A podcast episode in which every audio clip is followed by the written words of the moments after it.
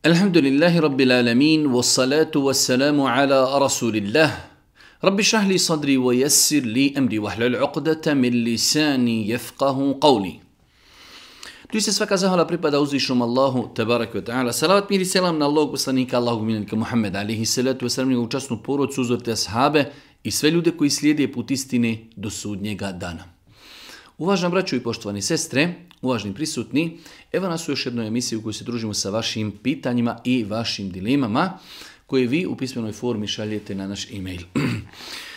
u osnovi naš termin je trebao da bude sutra, srijeda, ali pošto je već sutra Bajram i mnogi propisi se vezuju za Bajram. Ako ste vi već postavili u svojim pitanjima, mi smo ovu emisiju, ako Bog da pomakili, jedan dan ranije kako bi ako Bog da e, što više ljudi se okoristilo od ovih pitanja koja su vezana ili za Bajram namaz, ili za klanje kurbana, ili za određene propise vezane za hađ, tako da smo odlučili da ovu emisiju e, emitujemo dan ranije kako bi ona imala više smisla.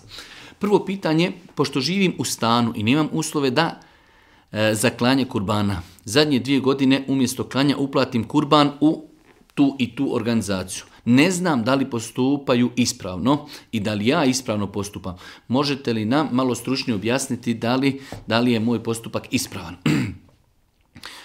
E, više puta smo govorili da nema smetnje da čovjek uplati svoj kurban preko neke organizacije koja realizira projekat kurbana, ali je uvjet da čovjek zna ko su šta su, kako radi, da li tu postoje kompetentne osobe, da li se pridržavaju šerijski propisa. Ja lično poznajem organizacije, pojedince koji dva dana ranije počnu klati samo zato što imaju dosta kurbana koji moraju zaklati, što nije totalno ispravno. Tako da, ako već sarađujemo sa nekim, onda moramo znati ko je, šta je, Ko je odgovoran? Poznaju li se širijetski propisi? Pazi li se na zdravlje životinje koja će biti e, zaklana kao kurban? Ako imamo te uvjete, onda svakako da je ako Bog da naš postupak ispravan, a samo nako uplaćivati zato što, eto, neko je negdje objavio, ja lično smatram da čovjek vjernik treba da pazi na svoj ibadet. Klanje kurbana je ibadet i ne smijemo to doživljavati samo kao, evo čisto ja sam tamo negdje to završio. Ipak čovjek treba da pazi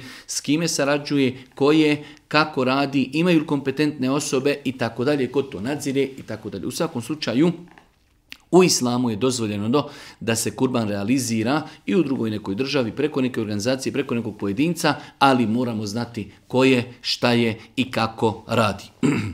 Drugo pitanje, potrebno pojašnjenje oko prestanka zabrane šišanja, brijanja i sjećenja noktiju, E, prvih deset dana Zulhidžeta, kada se smije početi sa ovim gore navedenim. Mi znamo da je jedan od propisa spomenutu hadisma Božih poslanika da osobe koje žele klati kurban u, na dan Bajrama, da u prvih 10 dana Zulhidžeta ne trebaju da skraćuju nokte i ne trebaju da ništa uzimaju od svojih dlaka sa tijela, da li to bila kosa, da li to bila neki drugi dijelovi tijela.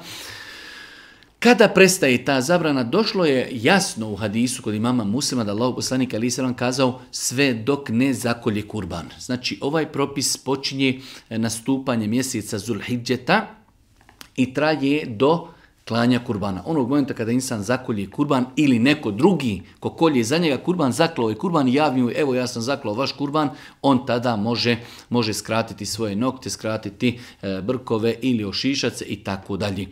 U svakom slučaju, e, znači, propis je vezan za klanje kurbana. Onog momenta kada se zakolje kurban, e, čovjeku postaju dozvoljene spomenute stvari. Treće pitanje, može li kurban biti krava koja nije napunila dvije godine, ali koja je fizički i tjelesno veća od neke druge krave koja ima dvije godine i viši? Kada je u pitanju klanje kravi u kojoj može učestvovati maksimalno sedam osoba, ne gleda se na veličinu krave, gleda se na znači starost. Niko od učenjaka umeta nije dozvolio da se može žrtvati i zaklati krava koja nema dvije godine. Tako da E, ovo je moj poziv svima onima koji kolju krave da moraju biti pažljivi, znači u pogledu ovog pitanja, zaklati kravu koja nema dvije pune godine nije ispravno i nikada to niko od učenjaka nije dozvolio, bez obzira što je možda ta krava e, teža 100 ili 200 kila od neke druge krave koja ima dvije godine, ali je fizički e, znači i maso manja, ali to ne igra ulog, Već se gleda da krava koja se kolje za kurban mora da je napunila znači dvije godine da bi to klanje kurbana bilo validno. Može li kurban biti ovca koja nije napunila godinu? Može li kurban biti ovca koja nije napunila godinu dana? Kada u pitanju ovca imamo izuzetke, imamo izuzetke u hadisima Božih poslanika ali se letu znači zrelost životinja se postiže da deva treba da napuni pet godina, krava da napuni dvije godine, ovca da napuni godinu. To je zrelost spomenuto hadisma Božih poslanika, ali imamo vjerodostojne hadise u kojima je Božji poslanik izuzeo ovcu pa je spomenuo da se može zaklati i janje. Tako da islamski učenjaci su e, pravili tu, hajde da kažemo, određene e, i diskusije i razilaženje u pogledu toga, ali je inšala biznila ispravno da insan koji ne može naći ovcu, može na, koja je napunila godinu dana, može naći nešto što je mlađi od toga, uvjet je da je napunila ovca šest mjeseci i više i da je tjelesno poprilično znači slična ovcama koje imaju godinu dana. Ako se ispune ovi uvjeti, ako Bog da, dozvoljeno je ispravno zaklati za kurban ovcu koja nije napunila godinu dana, mora imati više od šest mjeseci, E, treba se čovjek potruditi da nađe kurban koji ima godinu dana. Ako ne nađe onda može i zaklati i takav kurban i da je to ipak e, znači neko janje koje svojom e, težinom ne odskači mnogo od, od ovaca koje imaju godinu dana. Ako se ovi uvjeti ispune, inšala biznila, znači shodno hadisma Božeg poslanika u kojima je izuzeo vrstu ovaca. Znači krave su ostale, moraju napuniti dvije godine, deve moraju napuniti pet godina, a ovca nije uvjet lijepo i pohvalno da napuni godinu dana pa više, ali ako nema, čovjek ne može naći, može to biti i mlađi, ali uvijek da bude stariji od 6 šest mjeseci. Peto pitanje, klanje životinje za kurban slomljenog ili odrezanog roga.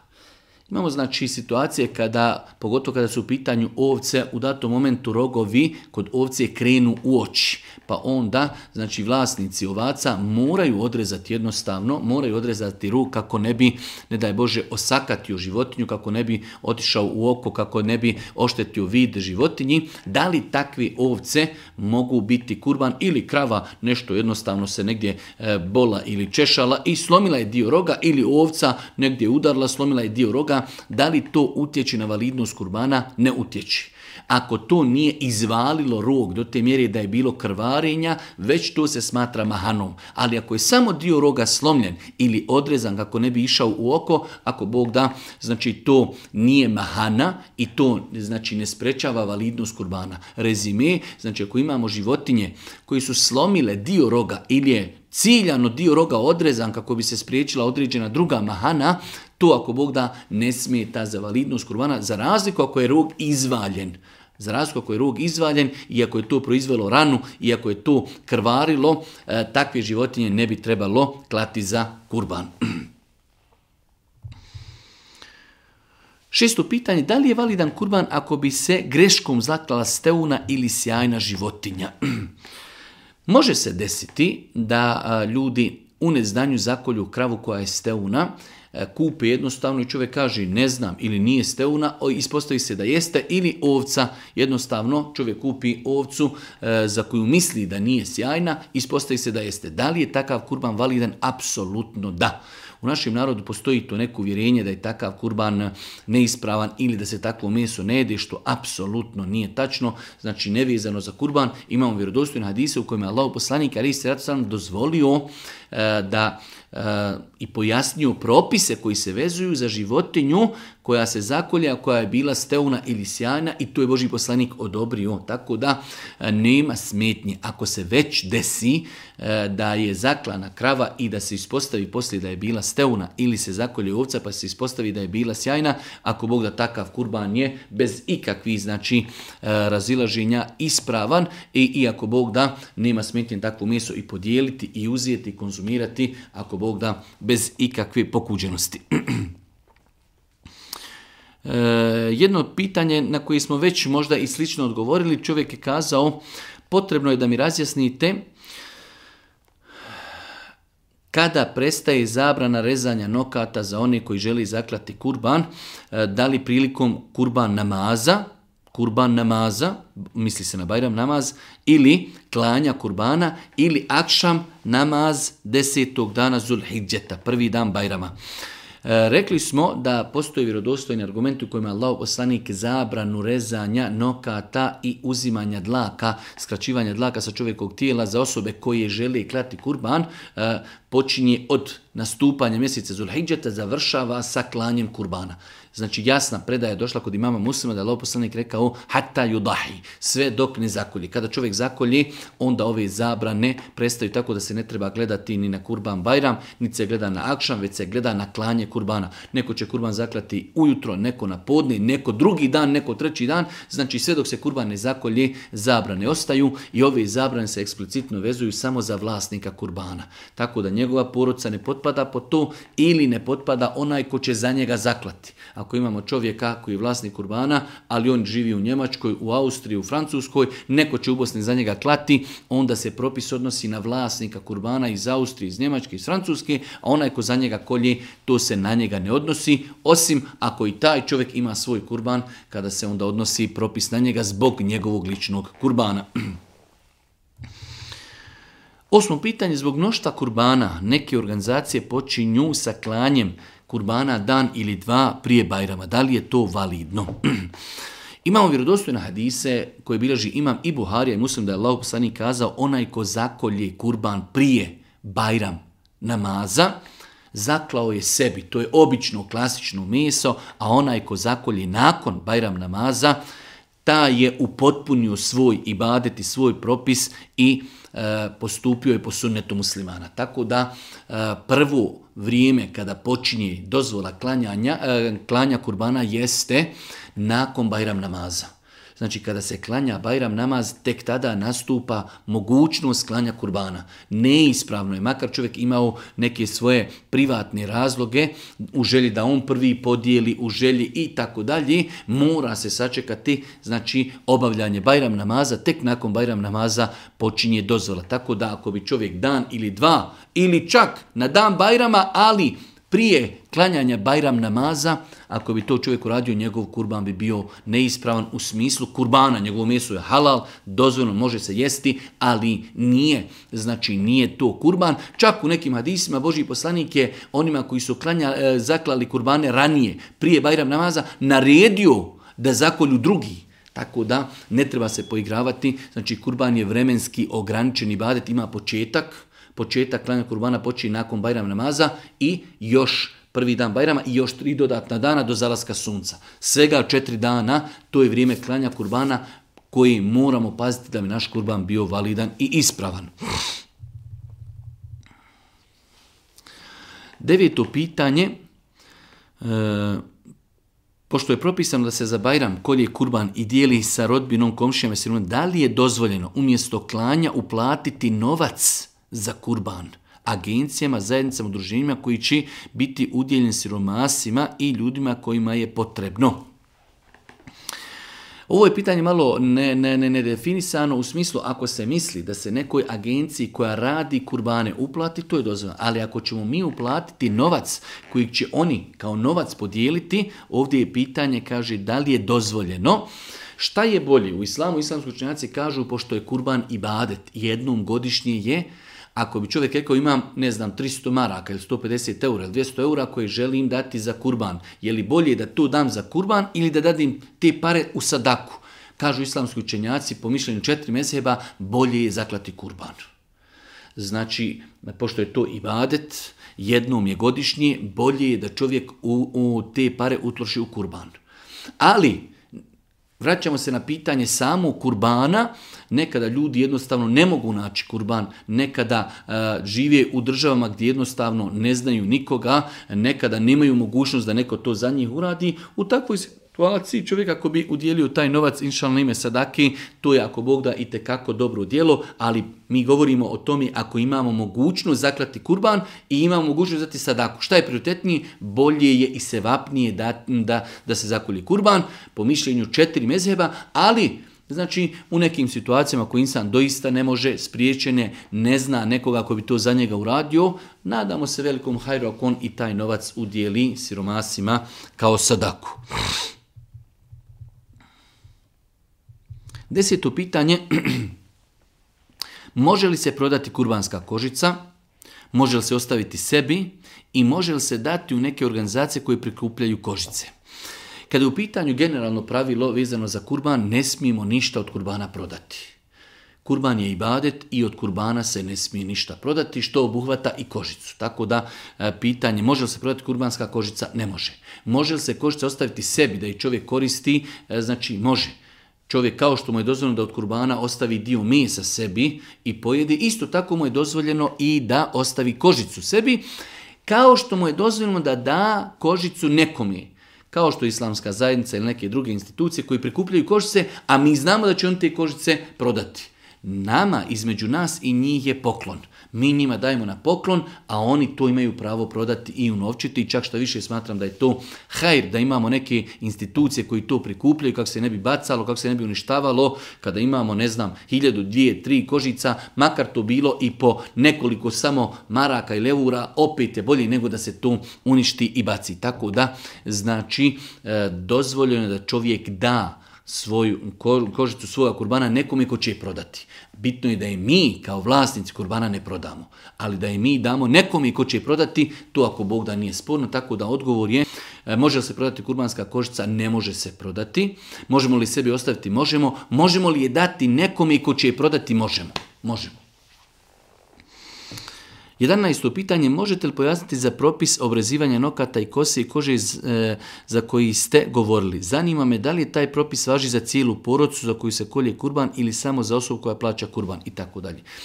Više puta smo o tome i govorili i pisali, ako znači imamo porodcu čovjek, žena i petero djeci, e, čovjek, otac, on je taj koji plaća kurban, onda se propisi skraćivanja nokata i kosi i dlaka sa tijela odnose eksplicitno samo na čovjeka, na vlasnika kurbana, tako da njegova supruga i njegova djeca ne potpadaju pod taj propis, čak ne potpada ni osoba koja će za njega zaklati kurban ako neko drugi za njega kolje kurban. Znači, jedinu na koga se odnosi propis zabrane skraćivanja nokata i zabrane skraćivanja dlaka sa tijela, znači od nastupanja početka Zulhidžeta do klanja kurbana, jeste li lični vlasnik, onaj ko plaća kurban, ostali članovi njegove porcije ne potpadaju pod taj propis. Da li je dozvoljeno da klanje kurbana bude obavljeno u drugoj državi, mimo države u kojoj mi živimo? Generalno, mm, živimo u takvom vremenu kada velik broj ljudi, e, da kažemo, tako realizira kurban. Ono što je osnova jeste da čovjek treba da pokuša da on lično realizira svoj kurban.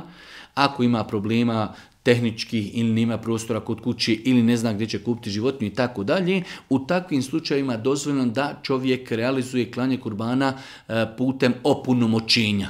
E, opunomoćenje može biti unutar istog grada u kojem živi, unutar iste države u kojoj živi, unutar neke druge države, jednostavno gdje čovjeku bude najlarši. Znači, trebali bi se potruditi da e, ibadet kurbana ljudi lično implementiraju. Ako ne mogu, neko živi u Americi, neko u Australiji, neko u Europi, jednostavno nemoguća misija da nađe ovcu, nemoguća misija da je on lično zakolje, u takvim slučajevima dozvoljeno je u islamu da se realizira projekat kurbana putem opunomoćenja da neko za nas tamo negdje zakolji kurban. Više pitanja nam je postavljeno u pogledu klanjanja džume od strani hađija. Znači, hađije kada e, e, imaju boravak prvi dan na mini tervija, pa nakon toga arefat, nakon toga tri dana boravka na mini, e, zna se desiti da ljude u tom periodu potrefi, potrefi džuma da li oni znači trebaju klanjati, organizirati se da klanjaju na arefatu džumu ili da klanjaju na mini džumu, ispravno i tačno je da hađija, pošto je musafir, ne treba klanjati džumu. Čak i Boži poslanik kada je e, obavljao hađ, potreflo se da je taj dan petak bio arefat ali Boži poslanik je klanjao podni, nije klanjao džumu. Tačno je znači da Boži poslanik na dan Arefata nije klanjao džumu, već je klanjao podni namaz. Tako da hađije kada su na hađu, oni koji borave na mini, znači ili su na refatu, e, oni nisu dužni da se organiziraju da klanjaju džumu. ako su neko potrefi e, u Meki, ako su neko potrefi u hotelu, svakako da je sevap i lijepo i pohvalno da ode da klanja džumu, ali ljudi koji su e, u ibadetu, koji su na mini, koji su na refatu, takvim ljudima nije propisano da klanjaju džumu. Gdje je vrednije klanjati Bajram namaz? U džami ili na otvorenom? Gdje je vrednije? E, svakako da je ispravno i jedno i drugo. Ispravno je klanjati bajram na otvorenom prostoru, ispravno je bajram klanjati u džamiji.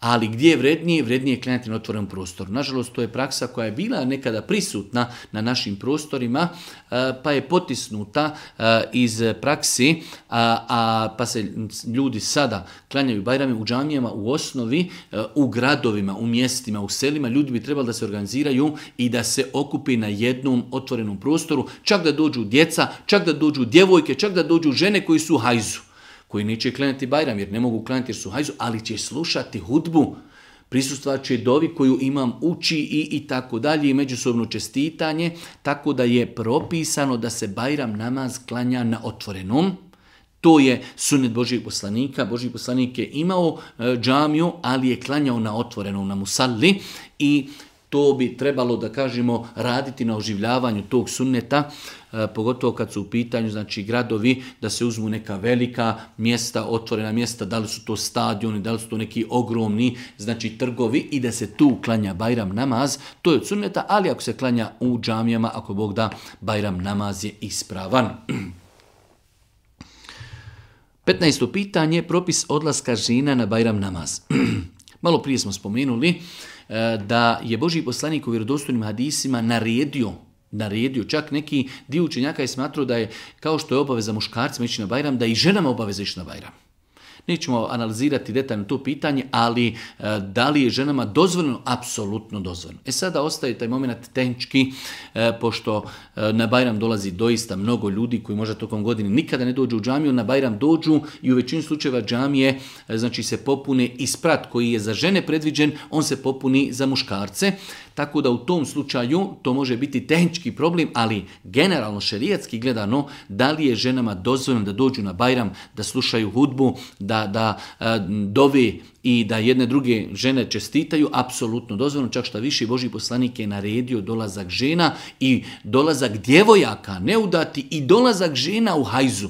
Naredio je Boži poslanik, ali se ratu selam, svakako žena u hajzu ne može klanjati bajram, ali može prisustovati, može, može doviti, može slušati hudbu da se okoristi od znanja koje čuje na, na bajramskoj hudbi, tako da, znači, e, dozvoljeno je, pogotovo u onim mjestima gdje imaju veće džamije, gdje je sprat ostavljen i dalje za žene, žene ima prostora gdje se tehnički to može izorganizirati, lijepo je oživljavati i taj sunnet da žene dolazi na Bajram namaz.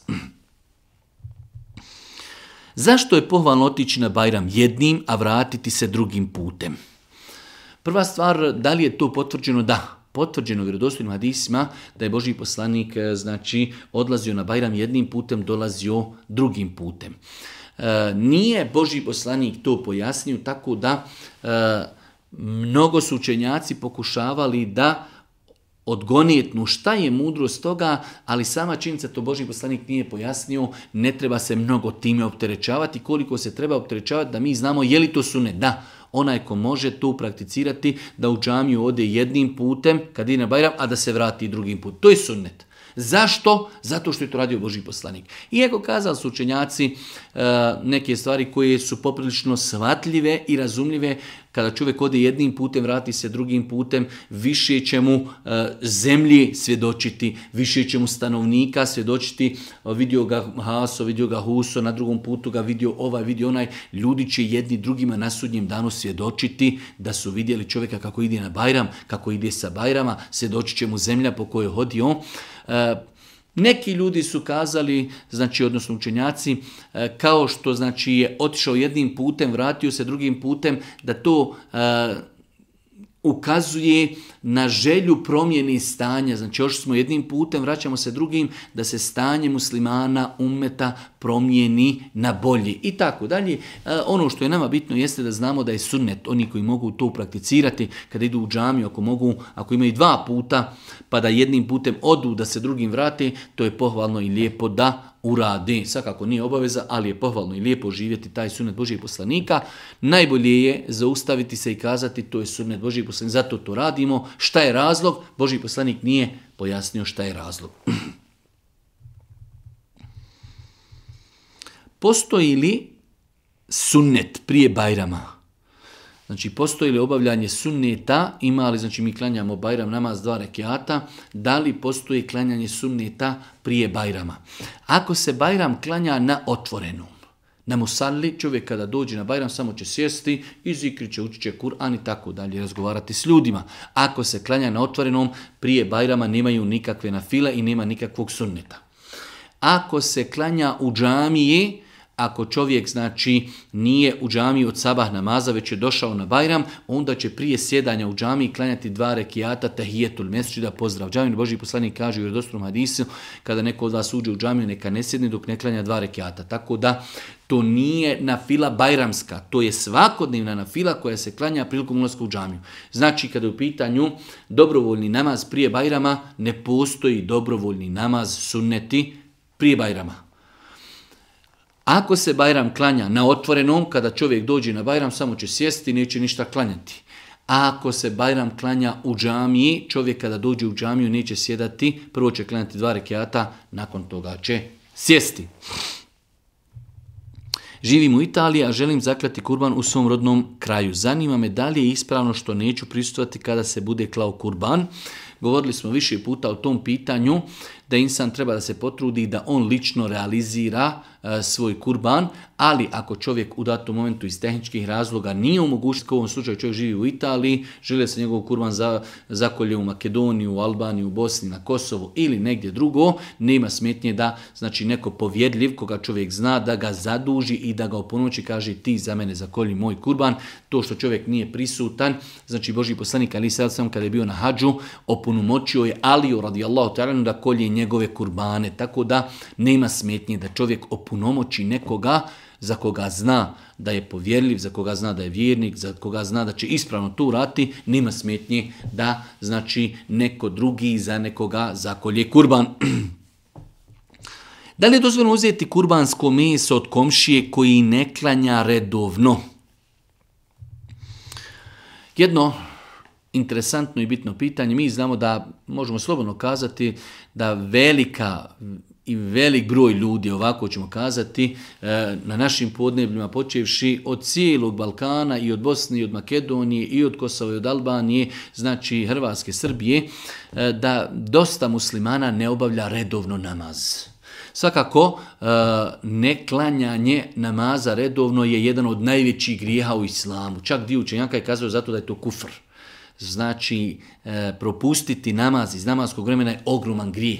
Ali da li toliko velik grijeh da je čovjek izašao iz islama, da više nije musliman, da od njega ne možemo uzeti kurban, e, Sama činjenica na našem podneblju ljudi, e, znači institucije koji predstavljaju islam na ovim prostorima islamska zajednica vodi se znači hanefijskim mesebom. Sam hanefijski meseb ne smatra čovjeka koji ostavlja namaz nevjernikom. Tako da Treba ukazivati da je ostavljena namaza grijeh, ali ako nam donese kurban neki komšija koji dolazi na teraviju, dolazi na džumu, dođe na bajram, ali eto jednostavno propušta neki od dnevnih namaza, da li, da li možemo takav kurban uzeti? Apsolutno da.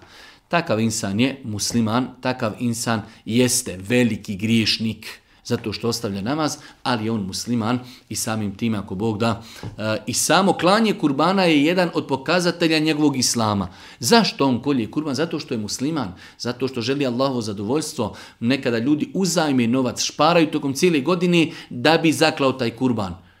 Šta je kurban osim ibade, šta je kurban osim želja da postignemo Allahovo zadovoljstvo, tako da e, znači nema smetnji da se uzme kurban od osobe koja ne klanja redovno namaze. U zadnje vrijeme se pojavila pojava da se kurban peče. Pojavila se pojava da se kurban peče znači na ražnju, da li je dozvoljeno ispeći kurban na ražnju i tako pečeno meso podijeliti e, komšijama, prijateljima. Nema nikakve smjetnje šerijatske da čovjek svoj kurban podijeli, znači ispečen. Čak šta više, ja lično smatram, znajući našim prostorima da svi ljudi voli pečeno meso, a velik broj ljudi, znači janjetinu kada mu date, znači nepečenu, ne znaju kako će u komadu koristiti u, u jelu, tako da e, nekada ljudi znaju dotle ići toliko daleko da se nekada i kurbansko meso i baci čak možda životinjama i tako dalje, tako da e, nema nikakve smetnje, čak što više e, ljudi se obraduju kada mu neko donese pola kile pečenja, kilu pečenja, pogotovo na dan Bajrama, tako da nema nikakve smetnje šerijatske da čovjek ispeče svoj naražnju kurban i da ga isječe tako i podijeli znači svojim komšijama, prijateljima i da dio sebi ostavi. Moje pitanje da li ja koji imam nijet klati kurban, a klaće ga druga osoba u mom prisustu, smijem da se šišam, obrijem, obrežim nokte i tako dalje. Znači čovjek će on će klati kurban i on će biti prisutan, ali za njega neko drugi kolji. Na koga se odnosi propis zabrane skraćivanja nokata i kosi, odnosi se na vlasnika kurbana, a ne na onoga koji će ga zaklati. Bez obzira što će čovjek tu biti prisutan i gledati sve u redu, ali propis se odnosi na vlasnika kurbana, a ne na onoga koji će priklati kurban. 22. pitanje da li je moguće učiti dovu za umrlu osobu od kući, ako nismo u mogućnosti otići na mezarje? Da li ima razlike u znači, ta dva postupka i da li moram biti pod abdestom ako učim dovu za mejita od kući?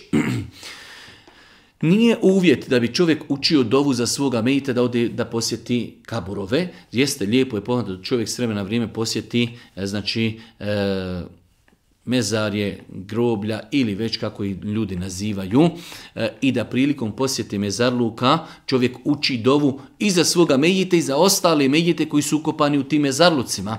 Ali isto tako mi možemo kod kući, e, znači kad god dovimo i u namazu i mimo namaza i prije namaza i poslije namaza, kada god dovimo možemo doviti za svoje e, mrtvi oca, majku, brata, sestru, za žive i za mrtve. Tako da, da li čovjek mora biti pod abdestom kada dovi? Ne mora.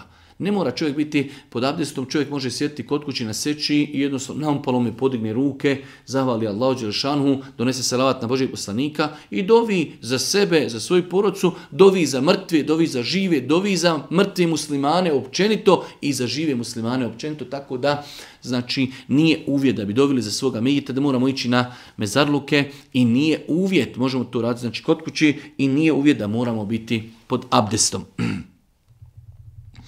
Da li moram klanjati, na primjer, podni namaz dok putujemo bez spajanja sa ikindijom? Da li možemo klanjati podni? Desilo mi se situacija gdje sam putovala sa školom autobusom i kad sam klanjala podni sjedići. Međutim, prijatelj, prijateljica mi je rekla da je to neispravno da se namaz treba spajati kada se putuje. Pitanje je da li čovjek na putovanju može da ne spaja namaze. Imamo ovdje nekoliko pitanja, ali evo odgovorit ćemo na dva pitanja. Kada je u pitanju putovanja autobusom, rekli smo da čovjek u autobusu samo može klanjati ako se boji da će namasko vrijeme proći.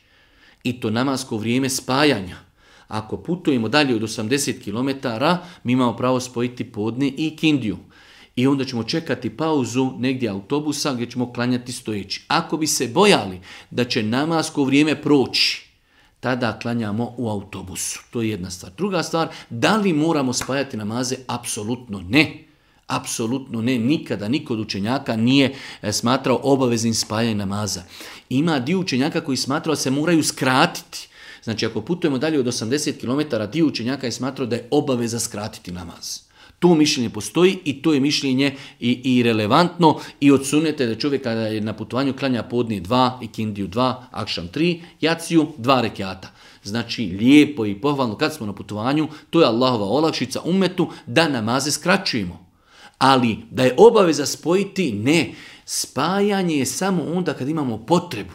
Ali ako mi putujemo, pa znamo, zaustavit ćemo se ovdje na podne, ali na ikindiju ćemo se isto zaustaviti, ima džamja, ima džemat, svakako da ćemo onda klanjati podne u podnevskom vremenu i kindiju u kindijskom vremenu. Rezimiramo, kada putujemo, pohvalno i lijepo je, neki učinac su kazali obaveza da skratimo namaze. Podne klanjamo dva, pa kada nastupi kindija opet dva, akšam klanjamo tri, jaciju klanjamo dva. To je ono što je pohvalno i lijepo i dio učenjaka je kazao da je to obaveza. Spajamo namaze onda samo kada imamo potrebu, nuždu. Ali nije to uvjet i niko to od učenjaka nije smatrao obaveznim. Velik broj ljudi e, griješi u pogledu ova dva pitanja, u pogledu spajanja, u pogledu skraćivanja namaza. Skraćivanje namaza je e, znači pohvalno, lijepo i dio učenjaka je smatrao obaveznim. Kad smo na putu gdje je više od 80 km treba da kratimo namaz spajati samo ako imamo potrebu i ako imamo neku da kažemo, e, nuždu. Ako se prespava sabah namaz i probudimo se u vrijeme kada izlazi sunce, tada je vrijeme kada je zabrano klanjati na filu. E, klanjat ćemo bez obzira odmah sabah. Da li, da, li smijemo klanjati dva rekiata sunnita?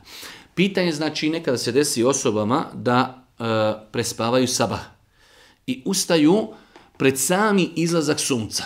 Tako se probudili. Da li će takve osobe prvo klanjati sunnete, pa farze ili će klanjati samo farze kako bi stigli. Islamski učenjaci su kazali, pošto danas imamo poprilično preciznu mogućnost znanja da znamo kada sunce izlazi. Ako imamo dovoljno vremena da klanjamo i sunnete i farze prije izlaska sunca, klanjat ćemo i sunnete i farze.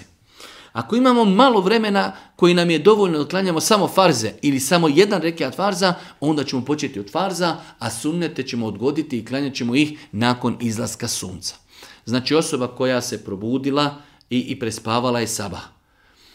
Gledat će na sat, vidjet će po vakti kada sunce izlazi. Ako ima dovoljno vremena da može klanjati i sunnete i farze, onda kažemo klanja i sunnete i farze. Ako kaže ne, imam dovoljno vremena samo da klanjam farze, onda kažemo klanja i farze, pošto je veća obaveza klanjati farze nego sunnete, a sunnete ćemo klanjati nakon izlaska sunca. Ovo se sve radi o osobi koja se probudila pri izlaska sunca. Ako bi izlazak sunca bio u 6 sati, a mi ustali u 7, tada ćemo, znači ako smo prespavali, ne ciljano, ako smo prespavali, tada ćemo lijepo abdesti, klanjati prvo sunnete, nakon toga klanjati farze. Znači, kada čovjek prespava, ima dvije situacije. Ako je prespavao i već je sunce izašlo. U takvoj situaciji čovjek abdesti, klanja sunete, klanja farze. Ako je prespavao, ali još sunce nije izašlo, gledamo koliko još vremena ima do izlaska. Ako možemo klanjati i sunete farze, klanjat ćemo. Ako nema dovoljno vremena da klanjamo i sunete farze, klanjat ćemo samo farze, da njih uspijemo klanjati u namaskom vremenu, a sunete ćemo klanjati kada sunce izađe. Već duže vremena supruga ima nije da se pokrije. Zna da joj to obaveza, ali nije još na moj nagovor da se pokrije, što prije izgovori riječi pokriću se inšala kada Allah odredi, na što ja reagujem da je to neispravno i tako dalje. Neispravna je reakcija i opravdanje da žena kaže pokriću se kada Allah odredi. Počet ću klanjati kada Allah odredi. Ostavit ću duhan kada Allah odredi. Nama je Allah već naredio namaz. Nama je to već određeno.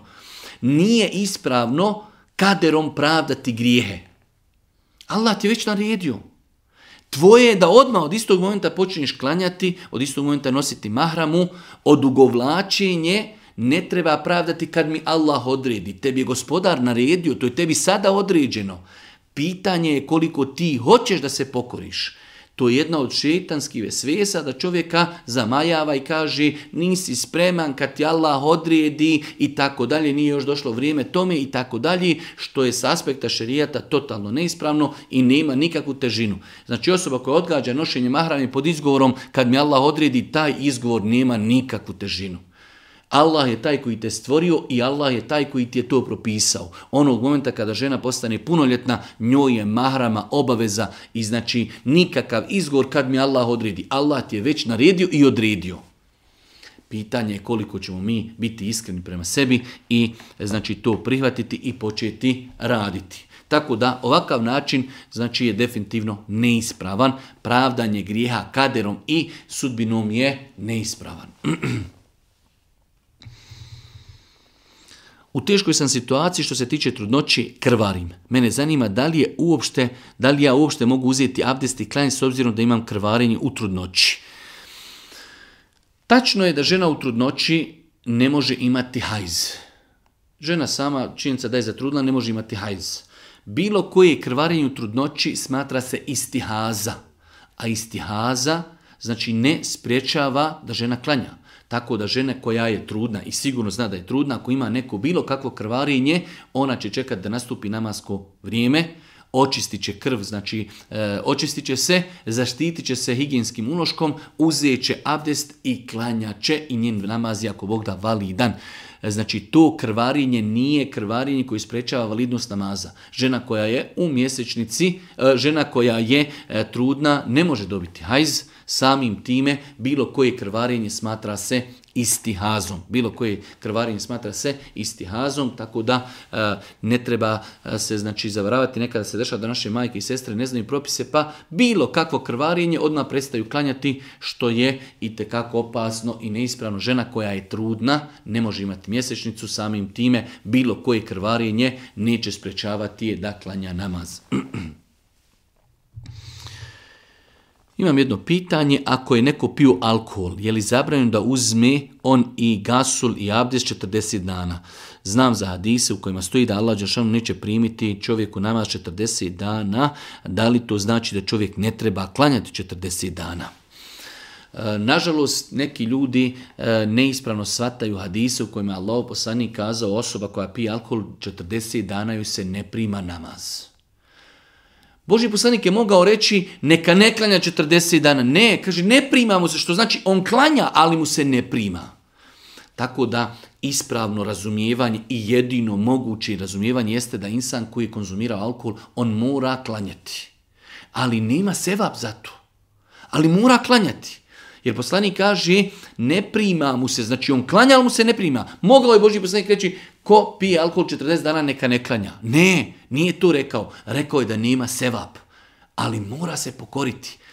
To je jedan način, metoda da se čovjek e, odgoji da ostavi, klanja, ostavi e, konzumiranje alkohola, popiješ alkohol, da znaš, moraš klanjati, a nemaš nikakvu nagradu za taj namaz.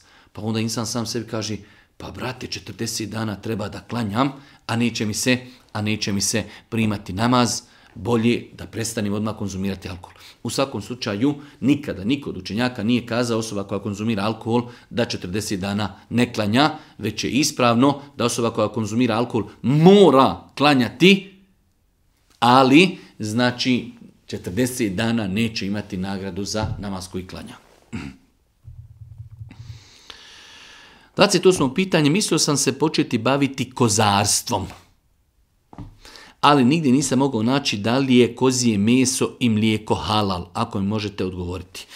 E, konzumiranje kozijeg mesa je apsolutno halal, ako meso bude zaklano na halal i dozvoljen način i samo konzumiranje mlijeka je dozvoljeno. Nije mi poznato da ikada u historiji islama iko zabranio konzumiranje kozijeg mesa ili kozijeg mlijeka i samim time i svih drugih proizvoda od mlijeka. Tako da nema smetnje da se čovjek bavi znači e, uzgojem koza. Ja bi da pitam da li se golub smije sklonuti sa gnjezda ako je ispred vrata ulazni. Da li je to grih ako očekuje mladunčad i tako dalje. U svakom slučaju e, pravilo vezano za životinje jeste da onog momenta kada životinje uznemiravaju čovjeka, da čovjek ima pravo, e, znači e, primjer radi muhe, komarci, mravi ili neke druge životinje koje uznemiravaju čovjeka, čovjek ima pravo da ih ubije. E, znači i u ovom slučaju ako je neka od ptica, golub, vrana ili neka druga ptica napravila gnjezdo ondje gdje čovjeku smeta, jednostavno iznad vrata, dolazi, krišti, e, neđaset, pada, znači e, izmet ptica, pada i tako dalje. U takvim slučajevima nije grije da čovjek ili to gnjezdo uništi ili da ga negdje premjesti i tako dalje. Tako da čovjek ako ga znači neko gnjezdo od bilo koji vrsta ptica uznemirava, ima pravo ili da ga negdje premjesti ili da ga razbuca i da ga uništi.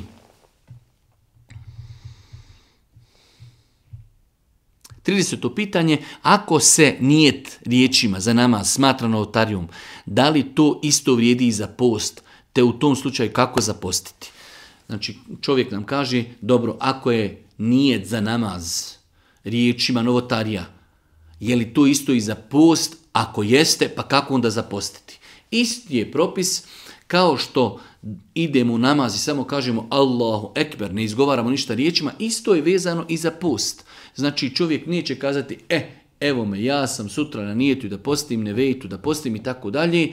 Kako će, kao što i namaz, ono što imamo u srcu, naveći, sutra je dana refata i želimo postiti, to je dovoljno u našem srcu. Ono što imamo namjeru u našem srcu, to je dovoljno za naš ibadet posta, kao što je dovoljno i za na, na ibadet namaza. Da li za nadjevanje imena djetetu po rođenju treba proučiti određene posebne dove?